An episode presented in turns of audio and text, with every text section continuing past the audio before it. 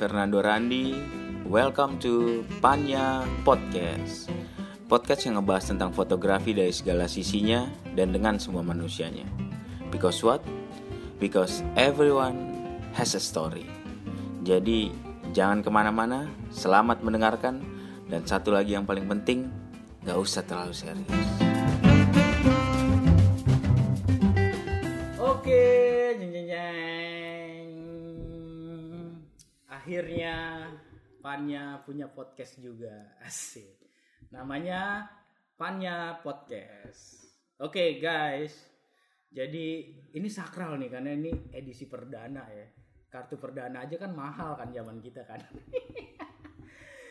Jadi benar-benar sakral dan akhirnya kita ini kedatangan salah satu bintang tamu yang benar-benar kita janjiannya aja yang pertama susah ya kan?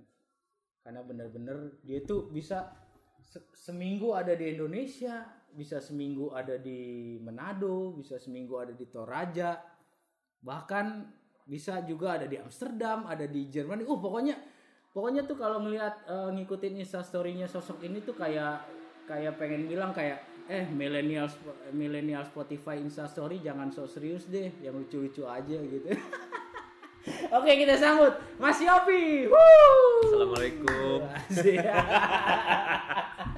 Waduh, ini kalau udah asal assalamualaikum gue grogi lu mas. Eh, Karena kan gue kan gue baru mulai. Oh, ya gue bimbing dong. Ah, iya. mas Yop, Yo, seperti yang sudah-sudah, apa kabar nih? Sehat, selalu sehat. Oh, so, sehat. Karena olahraga terus gue. Olahraga min- minum air 8 Ya, 8 gelas. 8 gelas. Ya, standar lah manusia. Iya. Kita nih kayak ini ya, baru baru semenit aja nih kayaknya eh, podcastnya itu kayak Dewi Kwan In gitu loh. Wise banget orangnya. aduh, aduh. Mas Yop, Yo. ini kan kayak yang kita tahu nih Mas Yop. Hmm. Mas Yop kan baru pulang bener-bener dari eh, workshop ya. Ya. Workshop yang kalau eh nggak tahu sih kalau menurut gue, menurut gue pribadi tuh banget ya tuh. Workshop tuh kayak gue sebagai foto mungkin kalau gue sebagai penggemar eh, sepak bola atau apa ya kan masuk kayak wah gue datang ke Liverpool dan mengikuti itu. Seperti kayak bener-bener lu ter- fans yang terpilih dengan karya lu gitu. Ini adalah workshop yang bener-bener kalau di fotografi bergengsi banget ya masuk namanya workshop Job Ya nggak sih? Swart. Job Swart Job Yup Swart. Job Swart tuh. itu itu agak-agak Belanda tuh ya Gue benerin pronunciation-nya. Iya, iya. itu emang tugas lo kayak Mas Yo. Oke, jadi eh, pendengar podcast bisa diceritain nggak Mas? Mhm. Workshop itu yang job sword dulu deh itu apa? Ya kalau gue sih udah tahu gitu gimana bergengsinya job sword itu. Eh, jadi, wah, Yup Swart ini tuh workshop yang diperuntukkan untuk eh, fotografer-fotografer yang bergerak di visual storytelling. Hmm. Core-nya itu dokumenter. Hmm. Uh, pesertanya sebetulnya tidak hanya para jurnalis dan para dokumenter sih. Hmm. Uh, ini sangat sangat sangat beragam latar belakang mereka gitu. Tapi Oh, jadi bukan fotografer doang ya, Mas? ada yang dari yang angkatan gua terakhir ini uh, beragam sekali. Oh. Uh, peserta-pesertanya ada yang ibu Hmm. rumah tangga, ada yang ada yang kerja di kebun binatang, ada Iya. yang iya, ada Hmm. yang uh, memang dia uh, fotografer perang, jadi macam-macam Hmm. gitu. Kalau gua kan fotografer ya, ya lu tau sendiri. fotografer happy happy ya kan?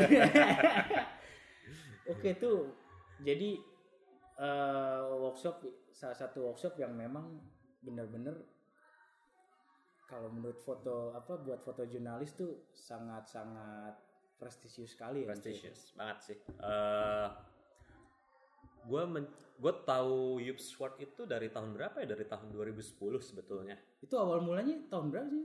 Gue nggak tahu kayaknya kayaknya sudah angkatan. Oh itu udah lama ya? Udah lama sekali Oh itu sih. termasuk kayak si Trend Park gitu ya lulusan itu nggak sih dia? ya kayaknya. Iya. Gue nggak begitu tahu Alumni-alumninya Eh, gitu. alumninya. Terus ya memang sudah banyak sih dan alumni alumninya sih rata-rata pada jadi semua gitu. Hmm, 99 persen. hampir.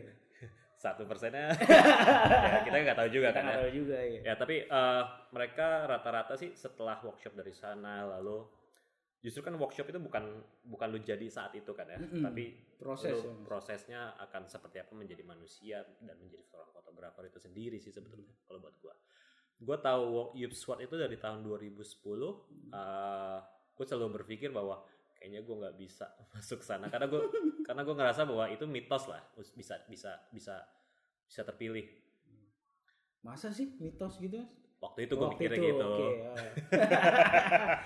waktu itu gue mikirnya itu sebuah mitos. Tapi ternyata lu bisa terpilih jadi ya gue ngerasa bahwa oh ternyata orang Indonesia masih bisa gitu gue mungkin bukan orang yang pertama eh mungkin gue orang yang pertama tapi bukan berarti gue satu-satunya Iya benar. jadi gue sih berharap ya masih banyak uh, teman-teman kita satu angkatan dan Hmm. di bawah di bawah kita ya mereka punya kesempatan yang sama sih menurut gue seperti itu gitu Nah terus awal mulanya tuh Mas Yop, Mhm. kayak misalnya mereka tuh minta apa sih kayak portofolio kah, Ah, apakah atau oke. lu harus buat apa di sana Ya, gitu? ya, ya, ya. Awal prosesnya sih Mm-mm. sebetulnya lu kan mendapat undangan ya biasanya Mm-mm. dari uh, orang-orang yang apa ya me- merekomendasikan lo. Hmm. Itu ada sekitar 260 250 aplikan uh, pendaftar itu Dari seluruh dari dunia seluruh ya dunia. Ya? Uh, uh, lalu kalau gua dapat jatah dari uh, Six by Six Global Talent. Mm-mm. Jadi ada gua, ada Hana, terus ada beberapa peserta yang lainnya Mm. gitu. Tapi pada akhirnya ya juga kita harus berkompetisi di di di mang, di ring yang Yang sama. sama. Jadi Sama karya tapi Sama karya. Nah, nggak pakai tuh orang dalam tuh. Gila lu. emang emang kira emang emang kelurahan. orang dalam orang dalam. Gila kalau ada Aduh. pikir gitu sih. Wah itu salah. Gue sih dari dulu udah lolos berarti. Iya, iya. Gitu. Ini gue mendaftar kal eh sorry Eh, ini kesempatan gue yang ketiga kalau nggak salah untuk Oh sempat nyoba dua. Sempet nyoba dua kali Berarti di Tapi gagal tahun terus. 2000 berapa tuh Mas? 2000, 17 ya berarti ya? 2016 kalau nggak salah sama 2018 2017 lupa Baru nyoba Tapi, lagi. ah, tapi gue ngerasa kan dulu kan ada perbatasan umur Mm-mm. 32 tahun dan Hmm. gue udah mentok di 32 saat itu gitu Oh lu 32 Mas? saat itu Kok kayak 21 sih? Asik. Terus Buat para ternyata- pendengar ya. ternyata mereka mengubah aturan Hmm. sampai batasan usia di- ditiadakan ini baru pertama kali Oh di tahun ini ya jadi yang yang lolos kemarin itu usianya ada yang jauh di atas gue juga gitu Hmm. ada yang sekitar 38 atau 39 gitu gitu Terus eh, karya foto apa tuh Mas yang akhirnya di diikut seleksiin di Job Swart? Di Job itu Swart. Eh, Eh, yang gua ikutin sebetulnya karya gua yang lama yaitu Saujana Sumpu mm. tapi gua merasa bahwa gue tuh sebetulnya nyiapinnya udah lama sih dok Hmm. Gua kan kan gue Nyiapin sudah untuk workshop ini ya Mas ya? ya nyiapin untuk submission ya gitu. Submission. seandainya gue lolos lah Ah, tapi ternyata gue lolos dapat dari uh, six by six ternyata lolos kan ah. jadi gue sudah mempersiapkan uh, editing Hmm. uh, dan narasinya gue perbaiki Hmm. jadi uh, ya lu memang harus mempersiapkan portfolio dengan baik dan benar gitu itu pertama portfolio yang kedua motivation letter lo Motivasi lu ya. Ya. Lu mau ngapain lu mau gitu ya, ngapain dan kenapa lu orang yang tepat untuk gue Ah, pilih ah, intinya itu- kan kayak gitu kan Itu kayak apa eh, standar yang juga Panya bikin sekarang ya buat permata Iya. PPG juga kadang PPG gitu kan. itu. kita kan kadang-kadang masih apa ya tidak mementingkan itu kan ya Mm-mm, bener. tapi ternyata itu di- dilihat juga gitu tapi memang yang dari 250 orang itu memang awal untuk seleksi seleksi 50 besar atau 20 besar itu memang karya dulu yang dipilih jadi portfolio lu dulu yang disaring dari 50 besar atau 30 besar itu baru menjadi 12 orang Hmm. itu dinilai dari eh, apa portfolio kita lalu eh, dari motivation letternya itu. itu kan ada data-data yang sudah kita Hmm. cantumkan kan pengalaman kita seperti apa lalu kenapa lu menjadi orang yang tepat untuk Hmm. bisa dipilih kayak gitu agak repot sih karena lu harus mengenal diri lu sendiri sih intinya kayak gitu Berarti emang kalau gue lihat kan yang Sojana Sempu tuh bener-bener gue secara pribadi tuh bukan karena lu temen gue atau apa emang gue suka banget gitu karya lu yang Sojana Sempu gitu apalagi dengan sumpu dong. Sumpu ya oh iya Sojana Sumpu ya. Ini Mas Yop nih bisa disewa buat bener-benerin pronas. Terus gue pernah pernah lihat waktu pameran di Jakarta apa sih mas yang di Udah Biennale. Jakarta Biennale juga dengan apa tata visual yang kayaknya bisa ke hal yang baru lah kali ya gua buat fotografi gitu. Gua tahu kan Iya. gua waktu itu orang ba orang orang baru gue juga. Kalau gue ngeliat langsung, wah ini bisa dicontek nih karya-karya seperti ini gitu. Nah, ada ini nggak mas? Maksudnya ketika lu submission ke Job Sword itu, ada pertentangan kayak karya yang mana ya? Kan lu kan banyak kan, maksudnya kayak Sojana Sempu, terus uh, yang Cure itu ya, eh Sumpu ya, Cure. Cure, terus ada Buru Babi dan yang lain-lain. Ada per- pertimbangan apa nggak sih? Maksudnya kalau gue secara pribadi tuh kayak kayak mau misalnya kayak ikut lomba atau apa kita kan kadang aduh salah foto nih salah karya ya, nih. ya, bisa, itu bisa, ada ada trik apa nggak sih mas? Kayak gitu. Kalau gua sih pertama dari visualnya dulu, Hmm, kedua dari konten, hmm, lalu ketiga project lu ini udah solid atau belum untuk lu tawarkan menjadi cerita yang istilahnya 25 foto tuh sudah bener-bener apa ya kayak film yang utuh lah kayak gitu. Adegan by adegan adegan per adegan. Jadi kayak memang kalau gue kan kalau ngedit gue seneng yang sesuatu yang sifatnya sinematik ya. Karena gue rata-rata terinspirasi oleh nonton film. Oke. jadi nah saat gue mengedit ulang sumpu gue tuh sempet balik lagi ke sumpu sekitar dua kali untuk menambah frame oh jadi waktu itu yang lu sempat ke sana itu emang Iya. lu nyiapin buat ini ya Iya. Sih? Jadi Iya gue memang gue siapin gitu. Ah, gue siapin karena gue ngerasa bahwa kayak ada yang kurang dan masih kayaknya gue pengen ada sesuatu yang yang pengen gue tambahkan lah. Karena kayak ada ada banyak lobangnya yang menurut gue ini bisa gue perbaiki itu juga hasil dari diskusi gue dengan beberapa mentor kayak kayak Sasa dan Klaftis Luban saat itu gitu. Jadi dari dari obrolan-obrolan santai ya akhirnya gue bawa kayak gue pengen ke sana lagi untuk awalnya sih kayak cuma pengen ngeliat di sana ada apa lagi sih yang baru kayak gitu. Eh ternyata dapat beberapa foto Beberapa baru yang foto. justru memperkuat visual narasinya. Tapi gitu. tapi nggak nggak masuk di buku foto lu ya? Karena itu udah- di luar foto, terbit di ya? luar buku foto. nah terus dari Indonesia ada berapa orang sih mas yang submit ke Submit job gua nggak, gua berapa ya? Ada sekitar lima kalau nggak salah Oh, atau lima enam gitu ya? ya. Lima atau enam gitu, lupa gua. Akhir, akhirnya yang kepilih lu gitu ya Iya, gue juga nggak nggak tahu orang pas pas gue terima Fadli Fadli yang WhatsApp, eh lu lolos hidup semua. Masa sih? Coba cek email. Yoi. Pas gue cek email, gue tiba-tiba nangis.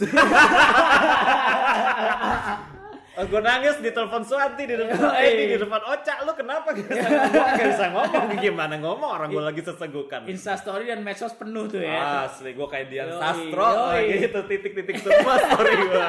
Termasuk dari gua juga. Yoi. Jadi emang guys, jadi job sword tuh menurut gua ya mungkin gua nggak tahu ya gaungnya tuh di sini nggak nggak terlalu ya. Cuman menurut gua pribadi itu bener-bener yang ketika ada orang Indonesia kayak Mas Yop yang pulang tuh langsung, ini harus gua dengerin nih cerita dari sananya dan gini. Karena menurut gua men- bener gak sih Mas? Kultur kultur kita tuh lagi pada lagi pada proses menuju menganggap sebuah festi eh, submission submission workshop tuh penting sekarang. Lagi menuju ke sana nggak mas? Ya. prosesnya gitu. Ya, ya ada optimis sih sebetulnya. Hmm. Gue sangat optimis eh, perkembangan fotografi kita.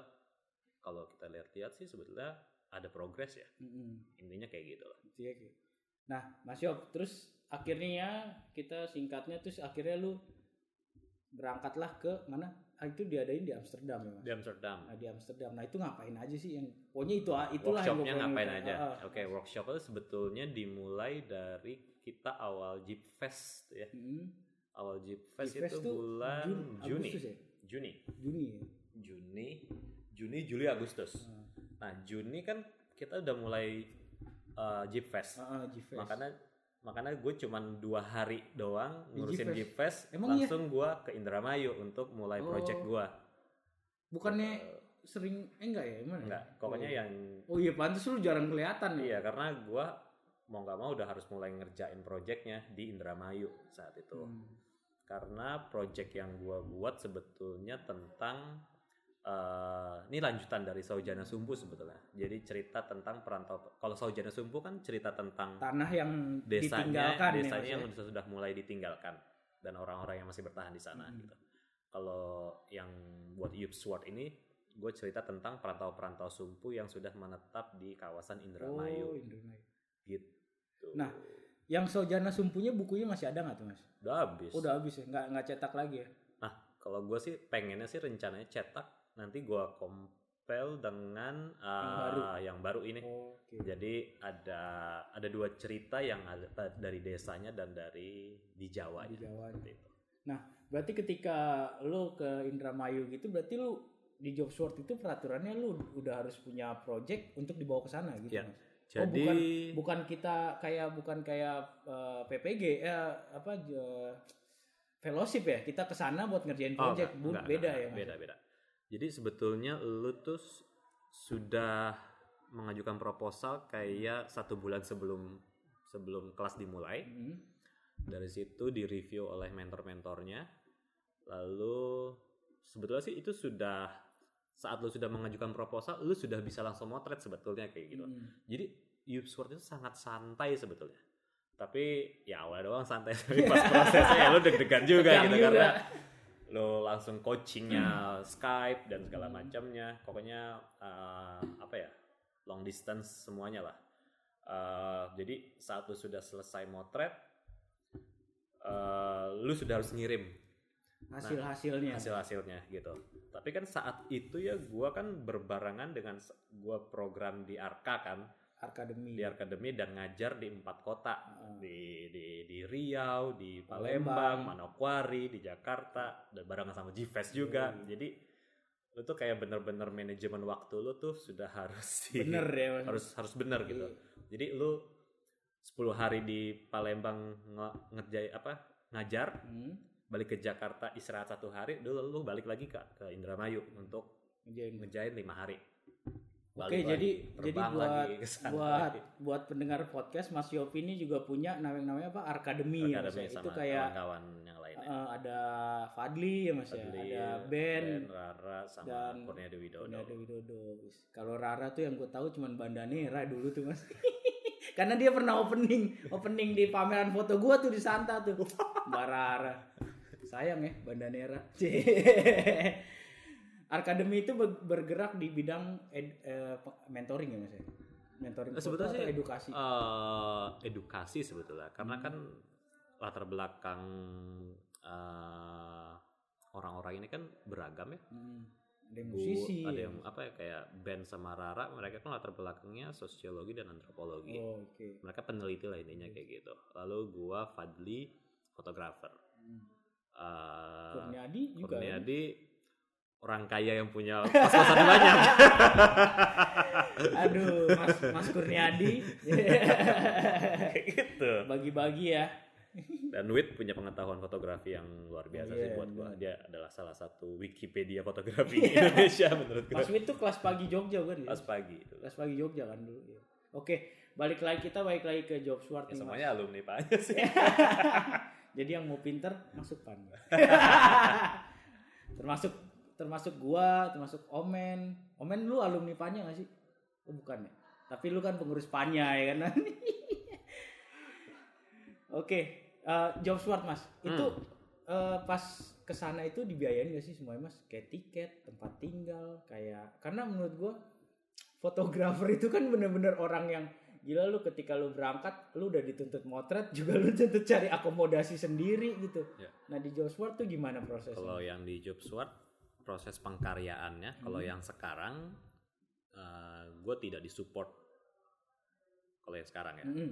untuk pembuatan karya yang di Oke. Indramayu ini Hmm. tidak tidak dikasih grant. Mm. Tapi kalau lu saat lu ke Amsterdamnya, Mm. lu tuh sudah ditanggung semua mulai transportasi dan akomodasinya dan makan dan segala macam lah lu sudah ditanggung gitu Bir-bir juga ditanggung Mas. Hmm, bir dan Dan gel. dan Oke mas, akhirnya kita sampai ke lu ketika lu sampai di Amsterdam, ya Ya. sih? Akhirnya eh, excited banget nggak ketemu new friend? Karena gue lihat dari instastory lu, c, instastory lu tuh happy banget kayak ya happy lah ya siapa yang nggak happy masuk Jawa Sport gitu kan Happy. maksudnya kayak kayak gue lihat kayak happy terus juga excited banget gitu. Nah awal awalnya gimana tuh mas? Maksudnya ketemuan sama oh iya oke kita yang keterima semua atau Oke. gimana? Eh, menarik sih karena atau justru kayak wah project dia oke project dia oke project gue juga ya apa gitu tuh mas? Justru kalau gue lihat semua peserta yang sekarang gue nggak tahu ya peserta-peserta sebelumnya kayak gimana ya kultur mereka kultur di kelasnya. Kalau yang kultur kelas kita kemarin itu sangat apa istilahnya sama rata orangnya. Lalu kita sangat suportif.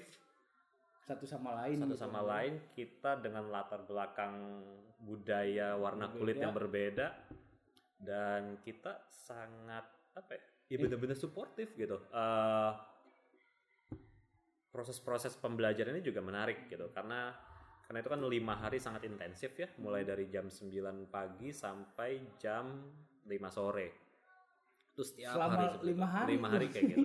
Lo bisa bayangin eh, justru kelasnya itu di di di dalamnya Hmm. justru lebih banyak membahas tentang eh, bukan secara teknis gitu. Mereka lebih banyak sharing mereka lebih banyak eh, kami pesertanya Hmm. lebih banyak berdiskusi dan mempresentasikan karya kita lalu di, di pokoknya benar-benar digodok pemikiran kita lah seperti itu. Itu mungkin yang tidak didapat di sini. Mm-mm, kultur itunya ya kultur mas itu ya. gitu. Dan kita benar-benar terbuka Hmm. uh, mereka benar-benar juga terbuka oleh masukan-masukan kita karena kan kita datang dengan latar belakang juga yang berbeda ya. Misalnya gue yang dari orang Indonesia melihat project di uh, uh, Afrika Selatan lalu atau ada yang dari Afrika ada? Ada yang dari Afrika Selatan. Lalu tiba-tiba uh, sekitar ada empat story atau tiga story justru ceritanya tidak jauh berbeda tentang migrasi budaya-budaya migrasi gitu. Itu kan kayak kita juga punya persep apa uh, cara pandang yang berbeda. Oh lu ternyata konsep migrasi lu di negara lu tuh seperti ini ya. Di negara gua kok Betul. kayak gini Hmm. kayak gitu. Jadi ya udah jadi kita benar-benar berkolaborasi tapi malah jadi pengetahuannya malah makin baru ya mas ya? ya semakin baru. Dan mentornya sih gue sangat senang ya karena siapa aja sih mas? Yuk. Eh, mentor-mentor Oke, gua mentor-mentornya. nih. Mentor-mentornya ada um, Monica Lende lalu Aida Mulune John Fleetwood John Fleetwood. uh, Muna Muasif sama Diana Markosian.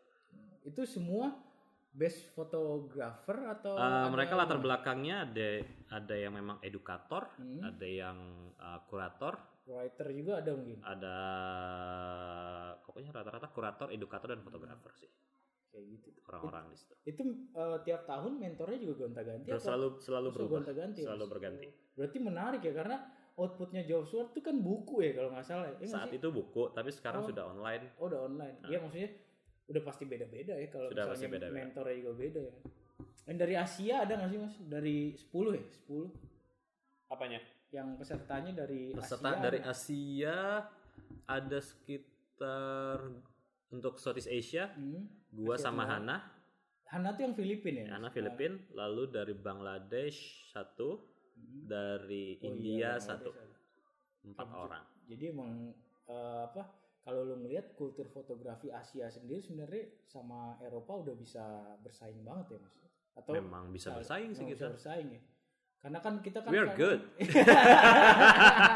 We are good. We are good.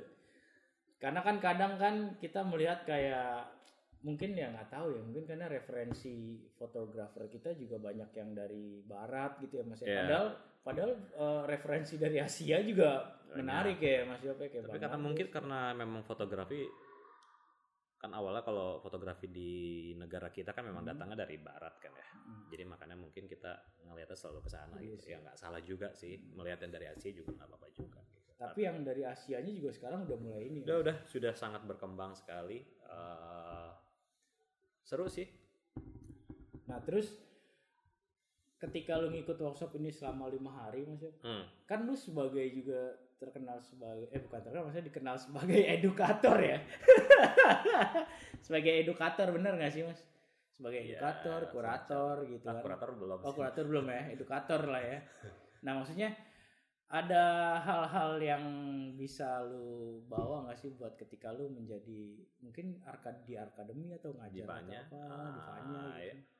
Eh, metode-metodenya Ah, mungkin bisa gue metode-metode. aplikasikan sih sebetulnya dari situ pertama kalau untuk secara teknis mengajar ya Hmm. tapi juga karena kan teknis mengajarnya justru sangat sangat lebih banyak open discussion Hmm. diskusi yang terbuka lalu gue sih ngerasa itu yang bisa menjadi motor untuk untuk edukasi fotografi yang menarik Hmm. sih ke depannya buat di di kita nggak hanya gue terapkan di akademi tapi juga di Panji juga di Hmm. PPG dan lain-lainnya gitu Eh, itu sih lalu yang kedua secara gue sih sebetulnya agak bingung ya kalau gue ditanya lu dapat apa Sangat- banyak banget sebetulnya gue dapat banyak sekali gitu. lu nyampe situ pun juga udah sebuah wah iya banget iya ya. terus sampai nangis kan kenapa sih? orang taunya gue uh, pakai orang dalam.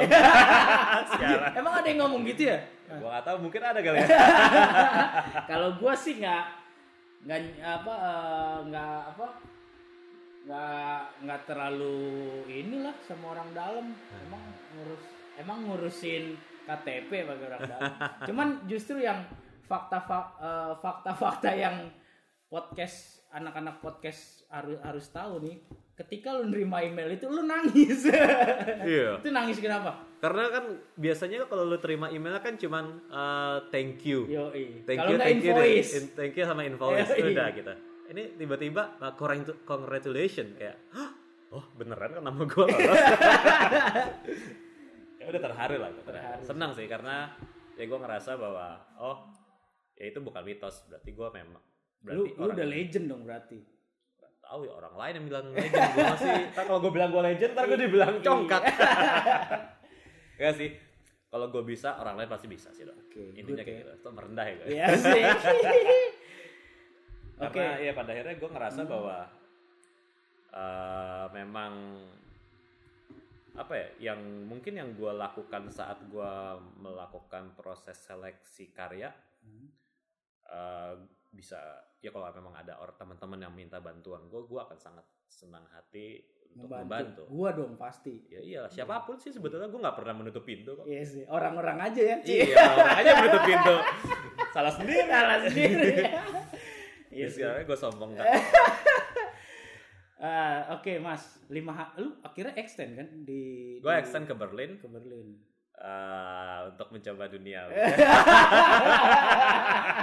Karena Yoi duniawi sih. dan hal-hal Hal-hal profesional kan. Jadi ya lo lo meeting dengan beberapa galeri Iya sih.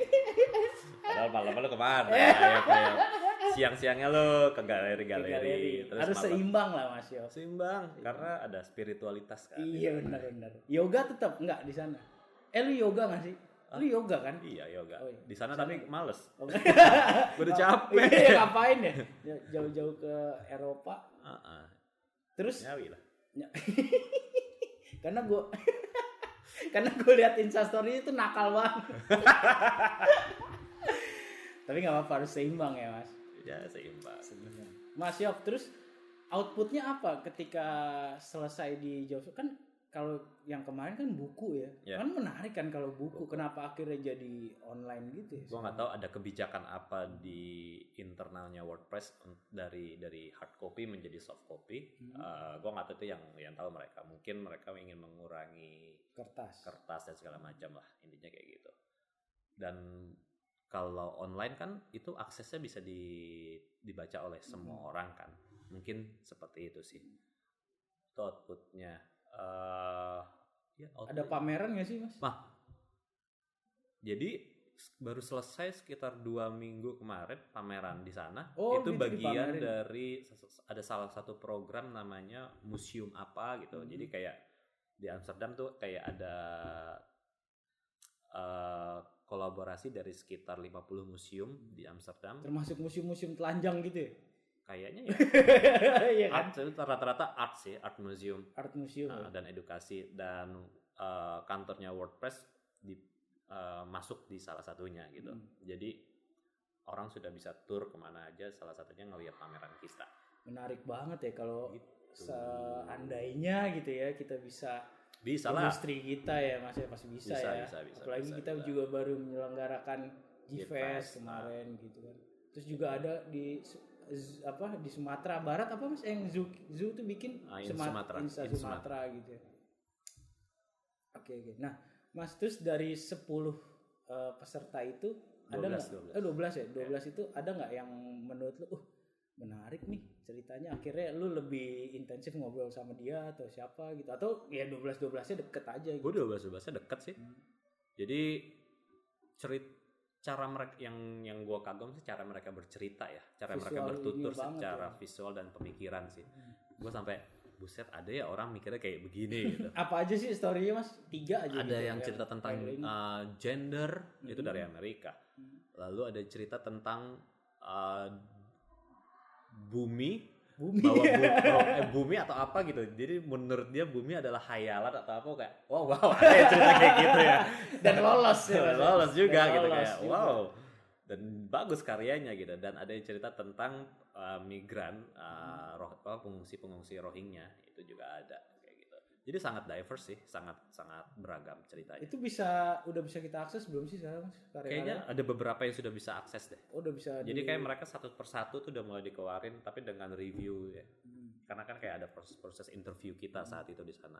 Dan di sana juga di hari terakhir kita presentasi karya, Dok. Jadi kayak kayak bener-bener review gitu ya. Oh, enggak, mereka ngundang orang untuk datang ke sana untuk kita presentasi. segitunya ya Udah, udah capek, ya, itu capek kan. Iya, Satu iya. saat brand switch itu udah wah udah kacau sih. Tapi ya menarik sih karena ada pengalaman lu ber- ber- bercerita tentang project lu di di hadapan orang banyak. Seharusnya di situ sih. karena penting juga sih karena kayaknya kultur kultur fotografi kita mungkin belum ya mas ya iya nggak sih buat ngom Iya, ngobrol masih di kayak kita gitu? masih apa ya? Dibilang masih terlalu sungkan untuk Oh. me- me- memamerkan karya kita. Dibilang tidak elok atau apa, padahal itu justru hal-hal seperti itu harus ditumbuhkan sih menurut gue ya. karena kultur kita tuh kayak misalnya lu kayak kita tuh dikritik juga belum ada gitu kan atau dikritik marah atau dikritik marah gitu kalau lu kan dikritik wise asik Tawa gue. Oh, iya. netizen nganggapnya sebuah peperangan aduh itulah kalian ya Cie.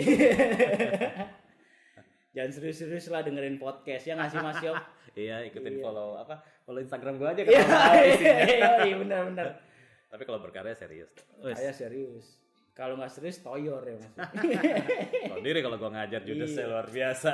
judes ya bukan galak loh Enggak. judes Yang galak kocak aja. iya Ocha aja oke terus ketika akhirnya lu lima hari di sana itu ada kesempatan datang WordPress nggak sih mas attending WordPress enggak ya Enggak kan kemarin kan eh, jadwalnya berbeda dengan WordPress. Kalau yang kemarin justru berbarengan dengan festival namanya Unseen Unseen. Festival. Ah. Jadi itu festival yang letaknya cuman 200 meter dari tempat workshop kita. jadi lu bisa Bisa sah. Dan menariknya saat itu mereka selalu mengundang galeri-galeri dari seluruh dunia untuk eh, apa ya? buka booth di sana. Jadi gua masuk buku gitu mas Buk, ada Wah, ada pasar fotobooknya, lalu ada galeri-galeri, lalu ada Kalap pameran. itu ya. Wah, gue mah kalap banget di sana. lu bawa bawa buku atau beli buku atau gue bawa bu, gue ya kayak ya standar sih sebetulnya ya, lu bawa kartu nama dan lu kenalan sama Oh, galeri-galeri karena konteks eh, industri fotografi di sana tuh lebih ke yang sifatnya tidak hanya dijual di majalah atau Hmm. media tapi juga sebagai collector items. Makanya lu harus bisa masuk akses harus buka akses ke eh, galeri. wah itu dia tuh ya gitu. Makanya gue kemarin mau menyempatkan diri ke Berlin. Eh ternyata yang mau gue bikin appointment di Berlin lagi buka Betul. booth di oh Unseen. sekalian aja ya Ya, mas sekali ya, tapi ya makanya di Berlinnya waktu hura-huranya lebih banyak. itu asli sih kalau di apa kalau ada di instastory itu namanya kalau kita nge-save tuh ya. Saya nggak lu save ya mas? Ya, di pikiran aja. Dalam kenangan Dalam saja kenangan itu. saja ya. Untuk kalangan terbatas 24 jam saja. Yang dunia nggak gue posting kok. Ya, kadang juga lu posting. Kalau berarti itu gue lagi nggak sadar. lagi sadar ya. Oke podcast mania. Jadi kalian harus jarang sadar ya. Iya Mas Yop Hmm. Terus ketika lu pulang dari Jobs World gitu, Ya, ya. kita tuh selalu penasaran gak sih kayak pengen apa lagi sih yang belum tercapai mas kayak ya mungkin ya bikin pinter kultur di Indonesia lah atau salah Ya. satu misi lu gitu kan Ya. lu ikut Jobs World atau lu mau ngapain gitu Gue pasti pengen bikin karya lagi. Hmm. Eh, makanya gue setelah workshop ini kan gue masih ikut workshop workshop lainnya. Hmm. apa tuh mas Ya workshop workshop technical lah, sangat teknis Hmm. gitu. Eh tapi bukan belajar aperture dan ya. dan diafragma ya jadi gue belajar belajar eh, apa metode print apa metode metode fotografi eh, era-era abad 19 kayak gitu yang yang menggunakan collodion dan segala macam abad Kayak 19 tuh si itu bukan sih mas? Gitu. ya, Oh, Bresson wet- tuh wet Bresson plate, kan wet ya? plate gitu. Oh gue belajar belajar wet plate karena gue lagi pengen bikin project yang menggunakan medium itu nantinya. Wah, itu patut kayak kita gitu. tunggu ya terus apa lagi ya ya bergaul bergaul aja bagi berbagi ilmu pengetahuan itu aja sih Dok. Iya, hidup gue cuma buat itu berkarya dari ilmu pengetahuan dan nyari duit. Iya, sharing is caring ya mas. iya sharing is caring and loving. Oh, iya. and loving. Kalian ada yang mau nanya nggak nih rate-nya Mas Yopi itu berapa? Kalau oh diundang red jadi dolarnya red euro red dolar apa euro, red red eh, itu apa red doors. Hotel dong. Oke. Terus nih sebenarnya tuh gue yakin deh netizen yang yang baru kenal lu apa ya, itu tuh nggak tahu kan kalau lu tuh awalnya adalah seorang sport photographer kan mas? Iya gak sih? Iya. Iya. Kan? kegiatan menando jadi ya gua gua bilangin buat lo semua c yang baru-baru bergaul sama Mas Yop c Mas Yop itu adalah dulunya seorang fotografer olahraga cuy. Ya gak Setahun sih? doang. setahun doang. Ya tetap aja lama loh ya kan setahun. Tuh boleh sih dikit aja mas. Awal-awal Iya. lu karena gue biasanya sport kan. Jadi Iya. ketika ada yang uh Mas Yop tuh sport tuh dan gak banyak yang tahu kan sebenarnya kan. Lo doang yang tahu. Sama JJ sama JJ sama Pexi sama Pexi kalau lu tuh pernah dibelaguin sama Greg Nokolo kan Iya, dulu gua fotografer untuk eh gua sampai lupa nama majalahnya. Eh, ini eh, Eh, World, Soccer, World Soccer, World Soccer Indonesia. Iya. Padahal gue nggak suka nggak suka bola, Yoi, tapi gue penasaran pengen ada di sana gitu. Gue pengen tahu sih rasanya menjadi fotografer olahraga. Dan ternyata ya gue nggak bisa. karena ini guys lu aduh lu mesti tahu ya dulu tuh gua ketemu pertama kali ketemu Mas Yopi tuh eh PPG ya gua PPG, masuk ya gua masuk PPG. Tuh 2012 terus habis itu tuh sempat ketemu liputan bareng ya nggak sih Mas? Lu sama Iya. gua sama itu tuh. Mas Yopi tuh gila kayak mau ke pantai cuy mau trade olahraga. Dan gue liat ini kayaknya the, the best style yang gua harus ikutin Mas pengalaman lu apa aja trade olahraga selama Hah? setahun Selama setahun Oh, pengalaman. dikit aja iya Wah banyak dong sebenarnya nggak Oh, bisa banyak dikit aja. itu. Lu kebayang harus Ah. memotret tanpa tanpa disupport alat yang proper. Oh, Nah intinya iya. kayak gitu. Makanya gue keluar. karena karena menurut gua ini penting karena tuh sekarang tuh banyak anak-anak yang eh, langsung pengen jadi eh, let's say Yopi Peter padahal lu nggak tahu kan gua Mm-mm. Yopi Peter tuh sebelumnya malah gila lu gua mau olahraga pakai alat yang nggak pernah kayak gitu makanya gue Iya. pengen nanya gitu mas mundur ke tujuh ini berarti pengalaman lu yang pertama itu ya ada lagi nggak sih mas Ya sebelumnya sih sebelum masuk majalah sepak bola itu kan Hmm. gua sempat jadi freelance saat gua masih bekerja di medi di majalah Garuda kan. Mm-mm. Jadi gua kerja di sana tujuh tahun sebagai uh, advertising lu tujuh tahun kerja Iya. gila sebagai itu advertising. Garuda Garuda ya? In-Flight Magazine. Jadi kalau lo naik pesawat ada majalah Garuda dulu Ah, sebelum oke. Colors. Ah, oh iya itu Colors ya gua, itu sekarang ya. gue yang ngurusin iklan-iklannya gitu. Padahal kalau tetap stay di situ lumayan juga. ah nggak mau. Oh, gue nggak jadi gue sekarang. Padahal mancing doang tuh ya. Nggak mau. Ya. Nah, habis dari situ 7 tahun World Tujuh Soccer. tahun gue World Soccer dari World Soccer gue kelar lalu keliling-keliling Sumatera berakhirlah di Sumpu. Di Sumpu. Oh, jadi dari situ. jadi eh, apa? Proses sumpu itu justru proses lu menjadi gua- seorang freelance Iya, justru, justru. full ya. Full dari freelance. Karena gue tuh inget banget dulu tuh gue sempet nanya, Mas Yok, Soccer itu bukan lowongan gak sih?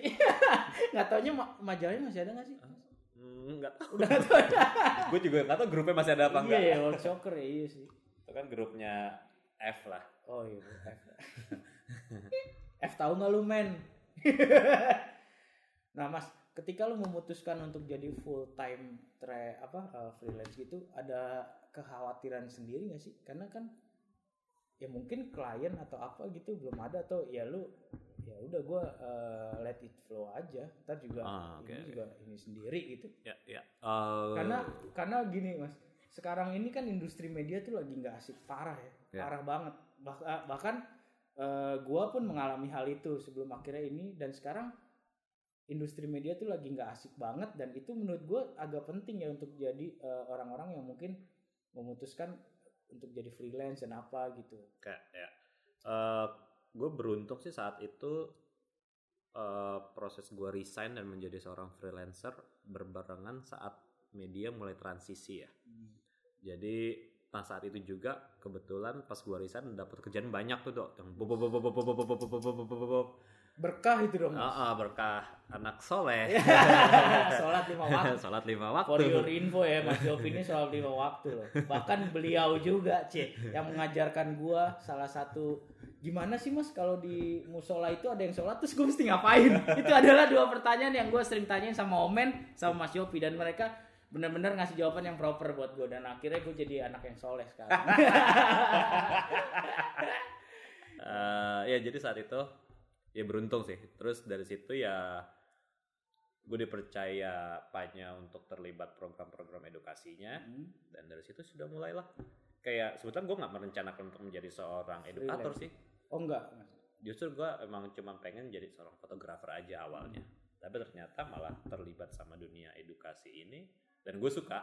Dan gue senang ada di posisi di mana gue men- eh, memberi karena istilahnya ya gimana ya gue belajar lebih awal Hmm. bukan berarti posisi gue lebih tinggi enggak jadi karena gue punya ilmu pengetahuan yang harus gue kasih ya udah gue kasih intinya kayak gitu Sharing intinya lah gitu. Iya. ya, dan ya mungkin memang tidak banyak yang tahu juga tapi ya nggak apa-apa juga ini kan bisa jadi orang jadi tahu kan Iya, iya. Masa sih lu pada nggak kenal? C.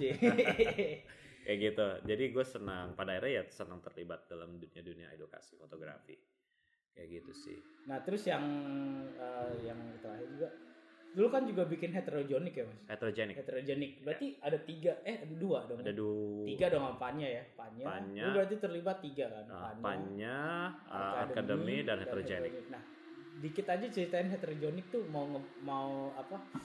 eh, memberikan pesan apa sih untuk ini, mas? Mau yang uh, diplomatis atau yang tidak? Jawaban. Sebelumnya sebelum, sebelumnya mohon maaf buat Mas Yusni. Aduh gua belum sempat ngirim. Mohon maaf. Mohon maaf Mas Yusni. Insya Allah pulang ini gue pasti kirim buat heterogenik mohon maaf. Silakan Mas Yop gimana? Uh, misi kita di heterogenik Ah. Itu ada kan- siapa aja sih Mas? itu Lu, Mas ada gua ada uh, yang punya Aziz Foundation Yusni Aziz aduh jatuh aduh. sama uh, orang pajak namanya Rian Afriadi oh oh iya Rian tahu yang dulu bikin buku yang Eh, sampulnya merah kan ya, Oke. betul. dia dia alumni pajak itu alumni alumni pajak semua Iya, sebetulnya iya, iya. kalau sama si Mas Yusni gue lumayan kenal. Iya. Cuman kalau sama Rian belum ketemu justru. Belum pernah ya Oh, Sempat ketemu sekali-sekali doang. Sama Mas Yusni berapa?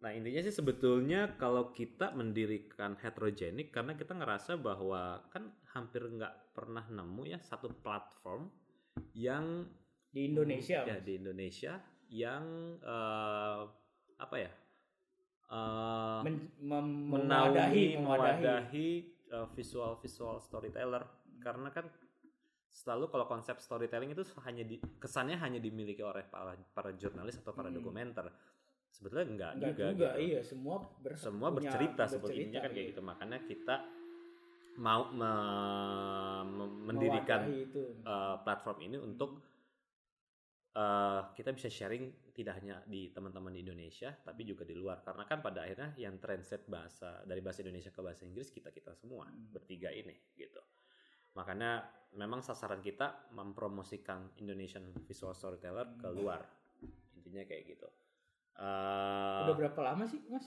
setahun lebih, Oh baru setahun ya? Bukannya Iya, udah setahun. lama itu ya? baru setahun.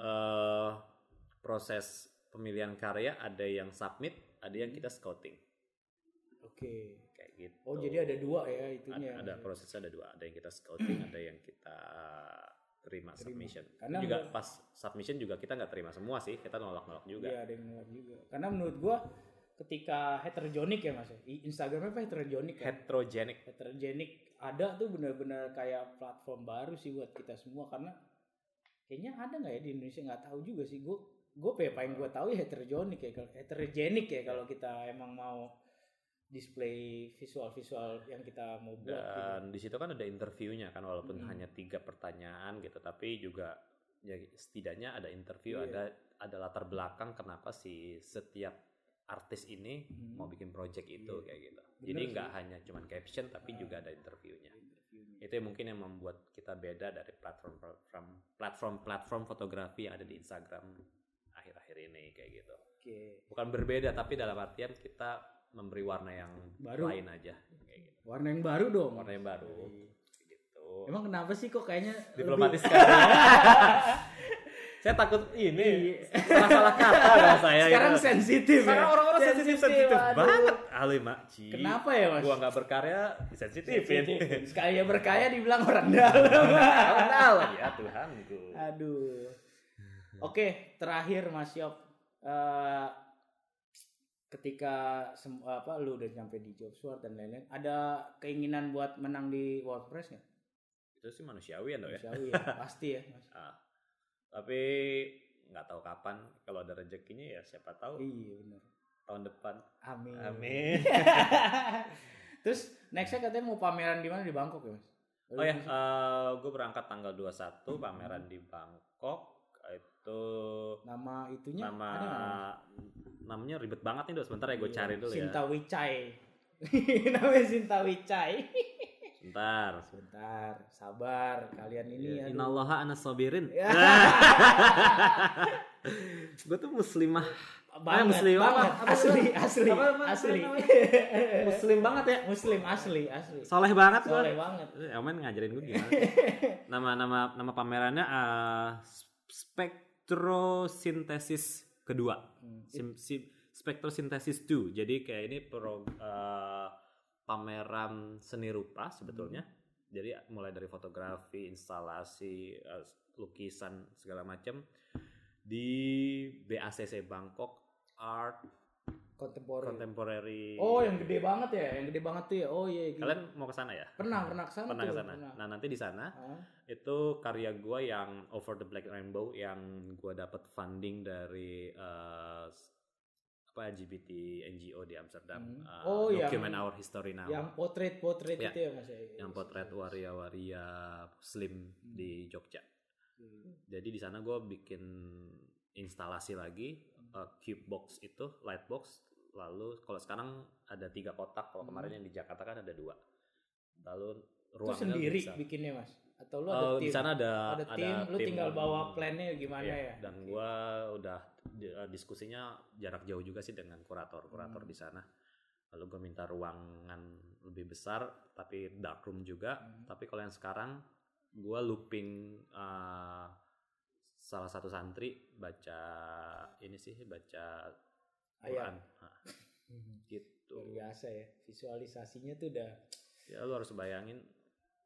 Karena mungkin karena kalau gue dulu s- apa ya eh, orang yang dendam karena tidak bisa masuk IKJ kali ya. IKJ. Gue dulu pengen masuk IKJ, Iya. tapi gue nggak mampu. Tuh Mahal banget.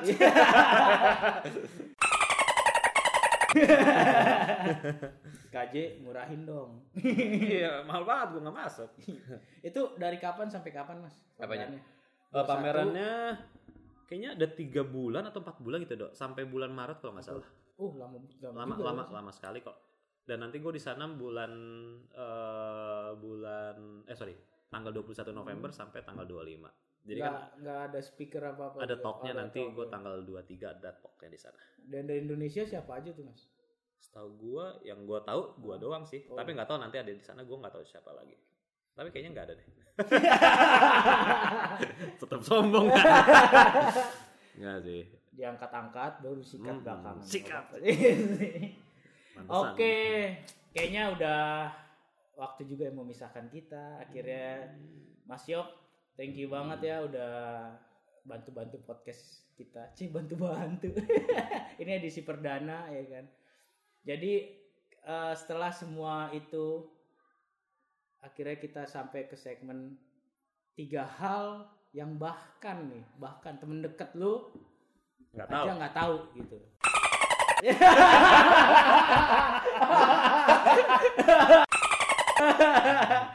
Jadi eh, kenapa ada di segmen ini? Karena tuh kita pengen nyeritain kalau fotografer itu, edukator itu tuh juga manusia gitu. Oke, oke, Semuanya oke. tuh It's juga good. manusia gitu. Jadi nggak nggak ya lu bisa kayak ngomong misalnya lu tahu nggak sih Dok, gua itu kalau makan Indomie itu empat bungkus misalnya Oh, jangan sedih. atau lu tahu nggak sih Indo selama di eh, apa di Belanda dan Jerman itu gue nakal parah atau gimana atau gimana gitu. Akhirnya ya kayak gitulah mas. Ya. gimana mas Yop yang pertama nih. Yang pertama, kalau gue naksir orang, biasanya gue langsung masakin dia. itu gue tahu banget ceritanya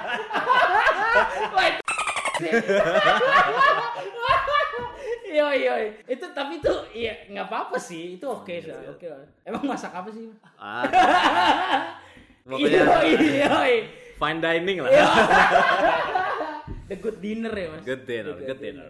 Jadi buat kalian tahu Mas Yop tuh doyan mas sama doyan nanem kan? Lu doyan nanem? Ya gue nanam mah cuman senang kan mungkin karena gue keturunan petani kali. ya. Yoi. oh iya emang mas. mungkin. Lu di- Kakek kakek gue. Oh kakek di rumah. Lu tinggal di mana sih Mas? Pas mi- Sunday market. Sunday. Pasar Minggu. Pasar Minggu ya. Gitu. Oke, jadi yang buat yang Pertama. buat yang lu tahu itu Mas Yop tuh emang doyan masak. Dan masak. Gue senang masak lah karena diajarin nyokap. Yang kedua, gue pengen belajar naik kuda. Pas banget tuh. Bini gua kan manajer kuda. Serius loh. Bener, Eh, saya serius, serius? saya pengen belajar naik kuda. Enggak, beneran Beneran. serius, Mas. Serius. Serius, Oh serius. iya kan ya. Nanti soalnya dia manajer kuda, serius. Serius bener banget. Jadi kalau lu emang mau naik kuda bisa kita Akomodasikan ya. Jadi sa- saat itu sampai gue pernah dari gue naik tur pulang dari Rinjani, Hmm. gue sengaja nyebrang ke Bima Buat naik buat kuda. belajar naik kuda. Hmm, iya, iya. Gitu. Jadi- Eh, kamera gue kecebur air. Jadi gua Casing gue kena air laut. Mati kamera gue. jadi gua tuh sama istri eh, sama istri gua tuh lagi emang ma- bahkan lagi concern banget sama kuda, Mas. Serius. Dari gua yang nggak ngerti sport as eh, kuda gitu ya, riding ternyata emang benar-benar jadi lu kalau motret rai kuda tuh eh, apa kupingnya harus naik ya kan bahkan sampai segitunya Iya. dan emang base-nya tuh dari Jerman Belanda gitu dan Iya. baru baru baru akhir-akhir ini kita dalam wah ternyata kuda itu emang benar-benar bukan cuman sport cuman mereka as a your best friend dan lain-lain gitu Karena kan. Karena kan eh, sebetulnya dari kuda itu gue punya cita-cita tidak hanya bisa menunggang kuda tapi juga pengen bikin project tentang kuda sih. Hmm, Karena kayak gitu. Karena gue ngelihat ada kuda ada banyak simbol yang terkait seksualitas. iya sih emang iya ya gitu. Iya. Jadi gue lagi baca-baca tentang itu sih. Nanti kalau lu emang itu boleh kita bantuin mas karena kita lagi ini minggu ini ada pertandingan di Pulau Mas Di Pulau Mas ya? Mm-mm, di Pulau Mas Apa? Ya. Jumping atau show jumping sama dressage Oh, dressage. Jadi kalau dressage tuh yang anggun-anggun Iya, iya. gitu loh. Yoi. Kayak gitu.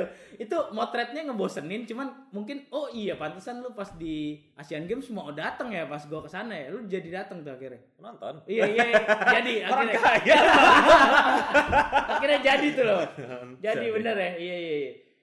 Boleh tuh lu datang tuh hari Jumat. Dressage tuh Jumat pagi ya. Jumat pagi. show jumpingnya tuh eh, Sabtu Minggu sampai sore.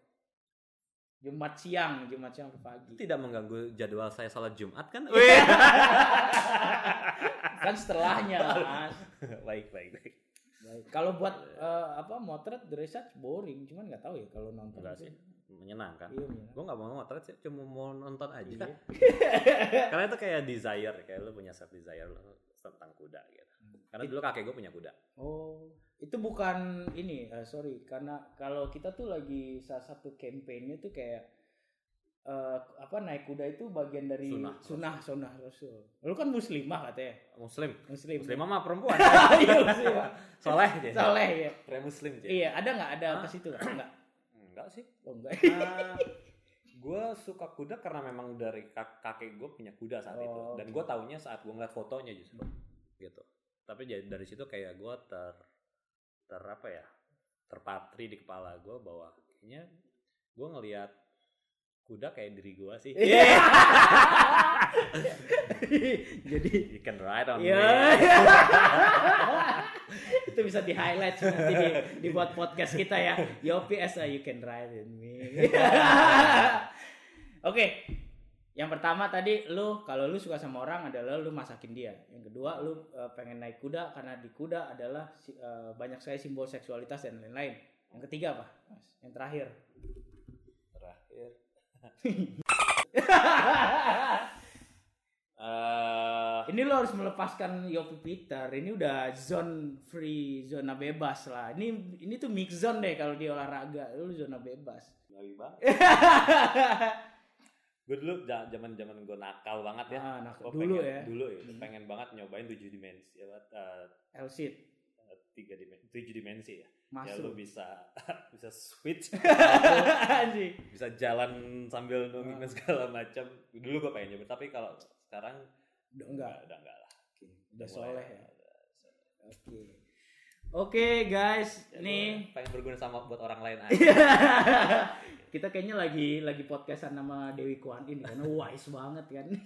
Senggokong Senggokong. Bikin owner. Oke, ini yang terakhir Mas pesan dan ya apa ya? Ya mungkin petuah-petuah bijak lo deh untuk menutup uh, podcast pertama kita ini. Wuh. Naon ya, Dok, ya? Ya, Eh, jangan pernah malu menjadi kita kan storyteller ya. Hmm. Kalau kita nggak bisa bercerita, mau jadi apa? Gitu. Oke. Jadi saat ada orang bertanya, coba ceritakan project lu ya, lu ceritakan dengan baik dan benar. Hmm. Kayak gitu, belajar. Jangan pernah berhenti belajar sih. gue sampai saat ini juga gue masih senang ikut workshop Hmm. dan gue senang belajar tidak hanya dengan mentor-mentor tapi juga para peserta-peserta workshop yang ikut di workshop gue justru gue banyak Oke. belajar dari mereka sih never stop learning Kayak Belajar dari siapa pun gitu. iya dan selalu rendah Hati, diri iya, rendah hati Ini harus di YouTubein sih karena ekspresi Mas Yopi lucu banget ya. Oke Mas Yop, sekian podcast kita yang pertama. Sukses terus buat Mas Yopi. ya ya At Yopi. yopi.peter Wes.